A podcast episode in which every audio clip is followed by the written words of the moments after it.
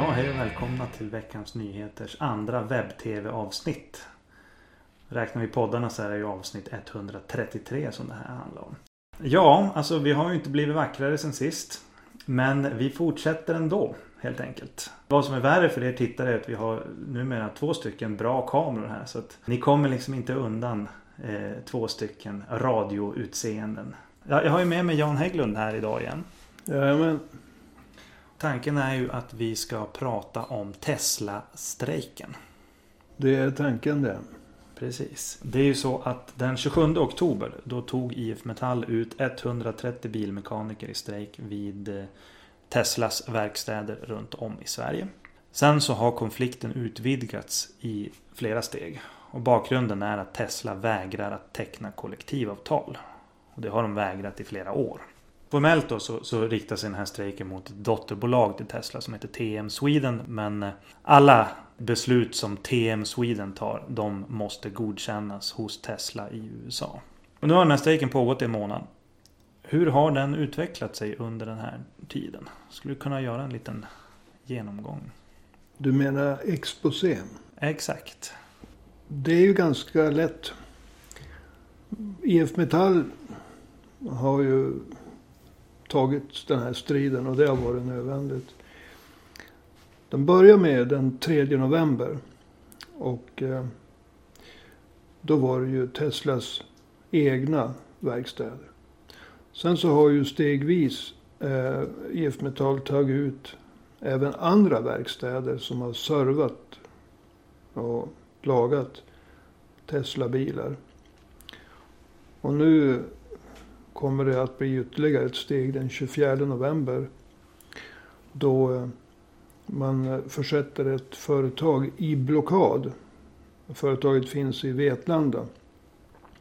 Och de tillverkar en speciell typ av aluminiumdel som är nödvändig för att bygga Tesla-bilar. Så det är ju vad Metall har gjort hittills. Mm. Från en liten till en lite större men inte allomfattande strejk. Sen finns det ju en annan sida som är väldigt positiv och det är alla sympatiåtgärder från andra fackföreningar. Ja, precis. Skulle du kunna berätta vad är det för fackföreningar som har vidtagit sympatiåtgärder? Ja, först så är ju Transportarbetarförbundet.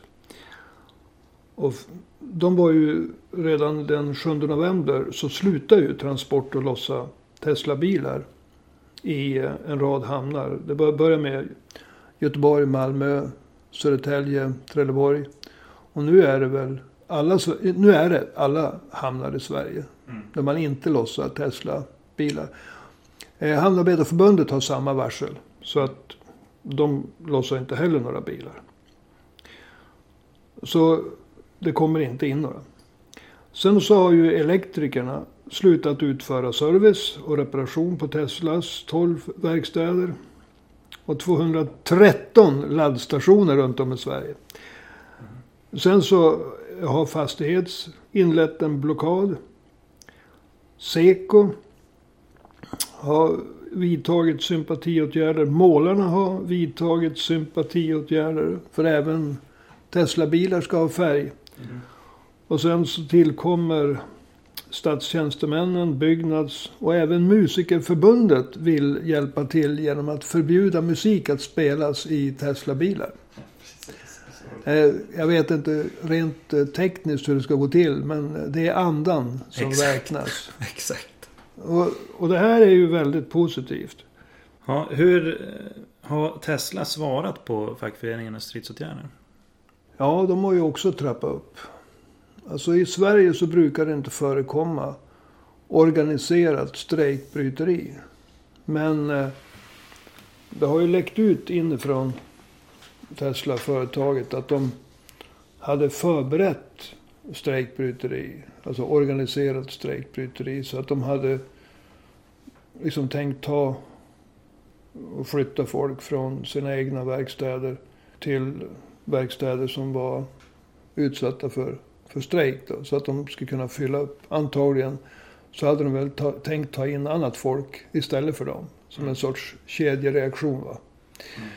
Så att det som den svenska fackföreningsrörelsen ställs inför nu. Det är alltså organiserat strejkbryteri från eh, Tesla. Mm. Så de har, de har trappat upp. Och det handlar ju om att de vägrar helt enkelt att teckna kollektivavtal. Mm. Vi ska återkomma till strejkbryteriet eh, lite senare. Jag tänkte vi skulle börja med den här strejken på Tesla. Den måste ju ses i ett större sammanhang än bara Tesla. Den kan liksom inte förstås annat än i ett större sammanhang. Eh, skulle du kunna förklara varför? Ja, alltså i USA finns det ju en väldigt antifacklig eh, tradition. Alltså den, den är, det är en väldigt aggressiv antifacklig tradition där man på alla sätt försöker hålla fackföreningar utanför företagsgrindarna eller kontorslandskapen eller vilka företag det nu än är. Va? Mm. Och inte bara det utan det har ju förekommit under, redan på 80-talet så kallad union busting. Där man trakasserade fackligt förtroendevalda. Man kunde till exempel stå med kameror och filma deras barn när de var på förskolan. Mm. Och, och skicka budskapet. Vi vet vars, till och med vars dina barn går. Alltså det där, alltså fruktansvärt aggressiv ja. attityd. Och det här har kommit till Sverige. Till Europa. Teslas VD Elon Musk. En del tycker ju att han är någon sorts hel helgonfigur för att han är och far i rymden. Mm. Han eh, räknas sedan i höstas som världens rikaste individ. Och han eh, har definitivt tillägnat sig den amerikanska företagskulturen. Han vill inte ha några fackföreningar på sina företag och han vill inte ha några kollektivavtal. Mm. Ja, han är helt enkelt ökänd för sitt hårda motstånd. Mot fackföreningar och eh, mot kollektivavtal. Han har hotat anställda som har varit med i facket med att de ska förlora sina förmåner. Han har till och med avskedat mm. fackligt aktiva. Och jag menar det han gör i USA det gör han inte bara i Sverige utan även i Tyskland och säkert i alla andra länder där Tesla finns. Mm. Så att det här Dels handlar det om att Tesla finns på många ställen. Men dels handlar det om att den amerikanska eh, antifackliga, antikollektivavtalkulturen har invaderat Europa och däribland Sverige. Ja. Så att det här är en, en, en strid som har mycket omfattande implikationer. Den här strejken den handlar ju också om det som eh, kallas för den svenska modellen på arbetsmarknaden och framtiden för den svenska modellen. Skulle du kunna förklara varför det är betydelsefullt? Man hör ju ofta det här begreppet. Men det är sällan det förklaras. Det bara förutsätts att det är någonting bra. Jo. Begreppet den svenska modellen används i olika sammanhang. Men när man pratar om den svenska modellen i det här sammanhanget. Då menar man att staten håller sig borta från arbetsmarknaden när det gäller liksom löner. Lönesättningen den sköts mellan fackföreningarna och arbetsgivarna. Och därför finns det till exempel inget statligt, statligt lagstadgad minimilön i Sverige. Utan lönerna, de, och däribland minimilönerna, de förhandlas fram genom kollektivavtal. Och under lång tid så kan man väl säga att på grund av att fackföreningarna varit starka i Sverige, passiva men starka, så har det här att till exempel minimilönerna regleras i kollektivavtal har varit positivt. Men det negativa är ju då att om du inte får ett kollektivavtal så finns det i stort sett ingen nedre gräns för hur låga löner som en arbetsgivare kan sätta. Mm. Så att på grund av att staten håller sig borta, att huvudaktörerna på arbetsmarknaden arbetsgivare och fackföreningar. Så är det helt avgörande att man får teckna kollektivavtal med företagen. Alltså det är helt avgörande för de anställda. Mm. När det gäller löner, när det gäller arbetstrygghet, när det gäller arbetsmiljö, när det gäller allting. Men är det inte så att kollektivavtalen har en väldigt stark ställning i Sverige? Ja, alltså kollektivavtalen har en väldigt stark ställning. Mellan eh, kanske 90 och 95 procent av alla företag de tecknar kollektivavtal. Men under de senaste årtiondena så har kollektivavtalens ställning eh, de har börjat ifrågasättas. Kollektivavtalens ställning har också försvagats. De som angriper dem det är borgerliga partier och borgerliga debattörer. Och sen finns det en ny typ av företag som vägrar teckna kollektivavtal. Vanligtvis så har det varit mindre företag. Och de har väl i vissa fall kanske ansett att vi har nästan inga anställda så varför ska vi ha kollektivavtal? Mm. Och, och den typen av liksom, konflikter. De har ju inte haft utgjort något hot mot kollektivavtalens ställning.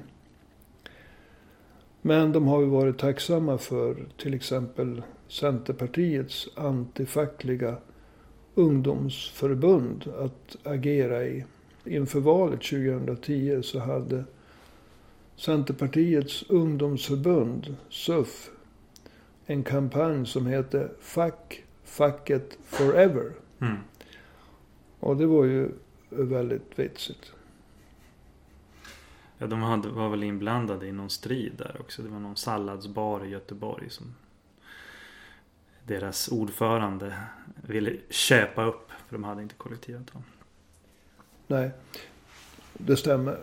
Men som sagt, den typen av, av konflikter är ju inget hot mot kollektivavtalen.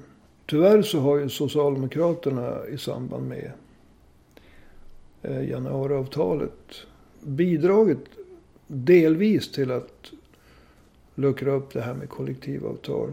Mm. Alltså, tidigare så var det så att företag som anställde folk på lönebidrag. De måste, teckna, de måste vara företag som tecknade kollektivavtal. Mm. I samband med januariavtalet så gick Socialdemokraterna med på att även företag utan kollektivavtal skulle få anställa folk på lönebidrag. Och det var ett, liksom i och med att det är Socialdemokraterna som gick med på det så, så var det ju en, en signal att kollektivavtalen inte försvaras på samma sätt längre. Så det du menar är att utvecklingen den har liksom gått åt fel håll? När det gäller kollektivavtalen? Ja, utvecklingen har gått åt fel håll. För att idag är det större företag som inte vill teckna kollektivavtal. Det handlar ofta om eh, IT-företag Mm. och andra nyare branscher. Det här betaltjänstföretaget Klarna och även musikjätten Spotify. De har inte velat teckna några kollektivavtal. Mm. Det fanns ett svenskt dataspelsutgivarföretag, eller vad ska man kalla det för. Mm. Men Paradox Interactive. Och när de tecknade ett kollektivavtal för tre år sedan så väckte det eh, viss uppståndelse inom branschen. Därför att det var ovanligt att ett sådant företag Mm. tecknade ett kollektivavtal. Men efter att facket hotat om konflikt så vek Klarna sig och eh, gick med på ett avtal. Men däremot så Spotify och Tesla, de håller fortfarande emot. Och när det gäller speciellt Tesla så håller de emot väldigt hårt. Mm. Men man kan ju se det så här. Alltså att om Tesla vinner den här konflikten. Så är det inte bara så att Tesla vinner. Det kan vara så att företag som idag har kollektivavtal Mm. följer efter och säger upp dem. Alltså förnyar dem inte. Så att den här striden den handlar inte, inte bara om att några procent av den svenska arbetsmarknaden. Utan om IF Metall vinner, då kommer det att sätta tonen. I Sverige, i Tyskland, kanske även i USA. Vinner Tesla, då finns det många företag som kan tänka säga upp sin, sina kollektivavtal. Och då får vi Mm. Då får vi en väldigt negativ utveckling för de svenska löntagarna. Mm. Om eh, vi går tillbaka till frågan om strejkbryteriet. För det är ju en, ett, ett inslag här som är nytt. V vad tycker du om strejkbryteri? Ja, strejkbryteri det är ju bland det skamligaste som finns.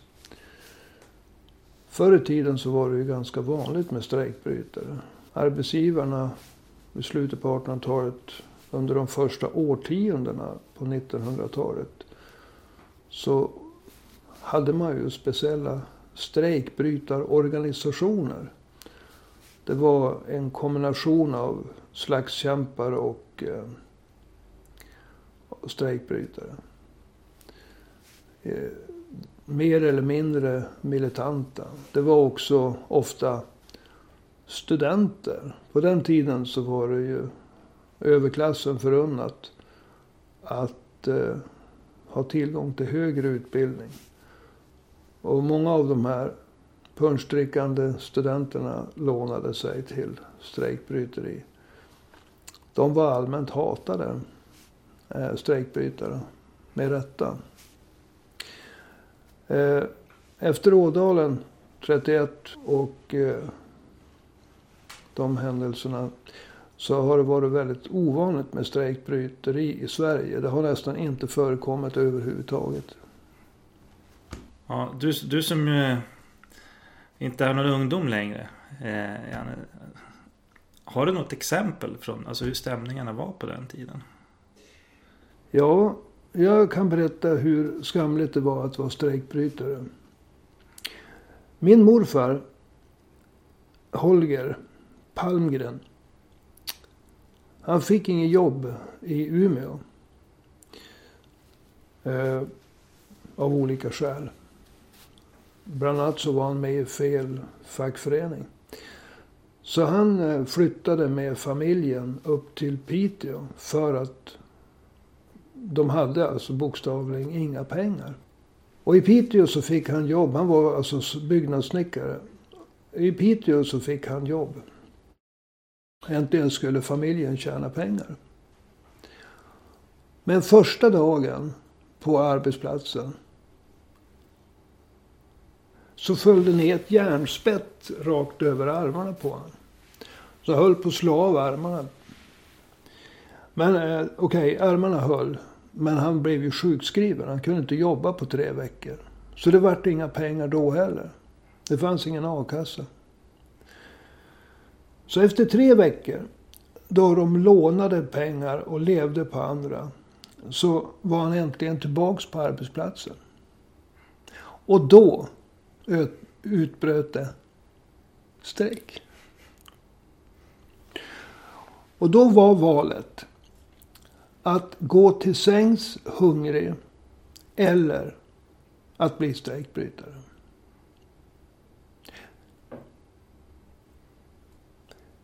Men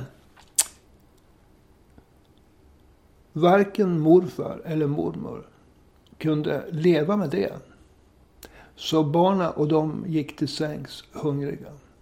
Därför att vad man inte blev, det var strejkbrytare. Och de som blev det då. Därför att om folk går till sängs hungriga, man låter sina barn gå till sängs hungriga. Samtidigt som det finns strejkbrytare, då blir de väldigt hatade. Och på den tiden så kunde de också råka ut för olyckor, strejkbrytarna.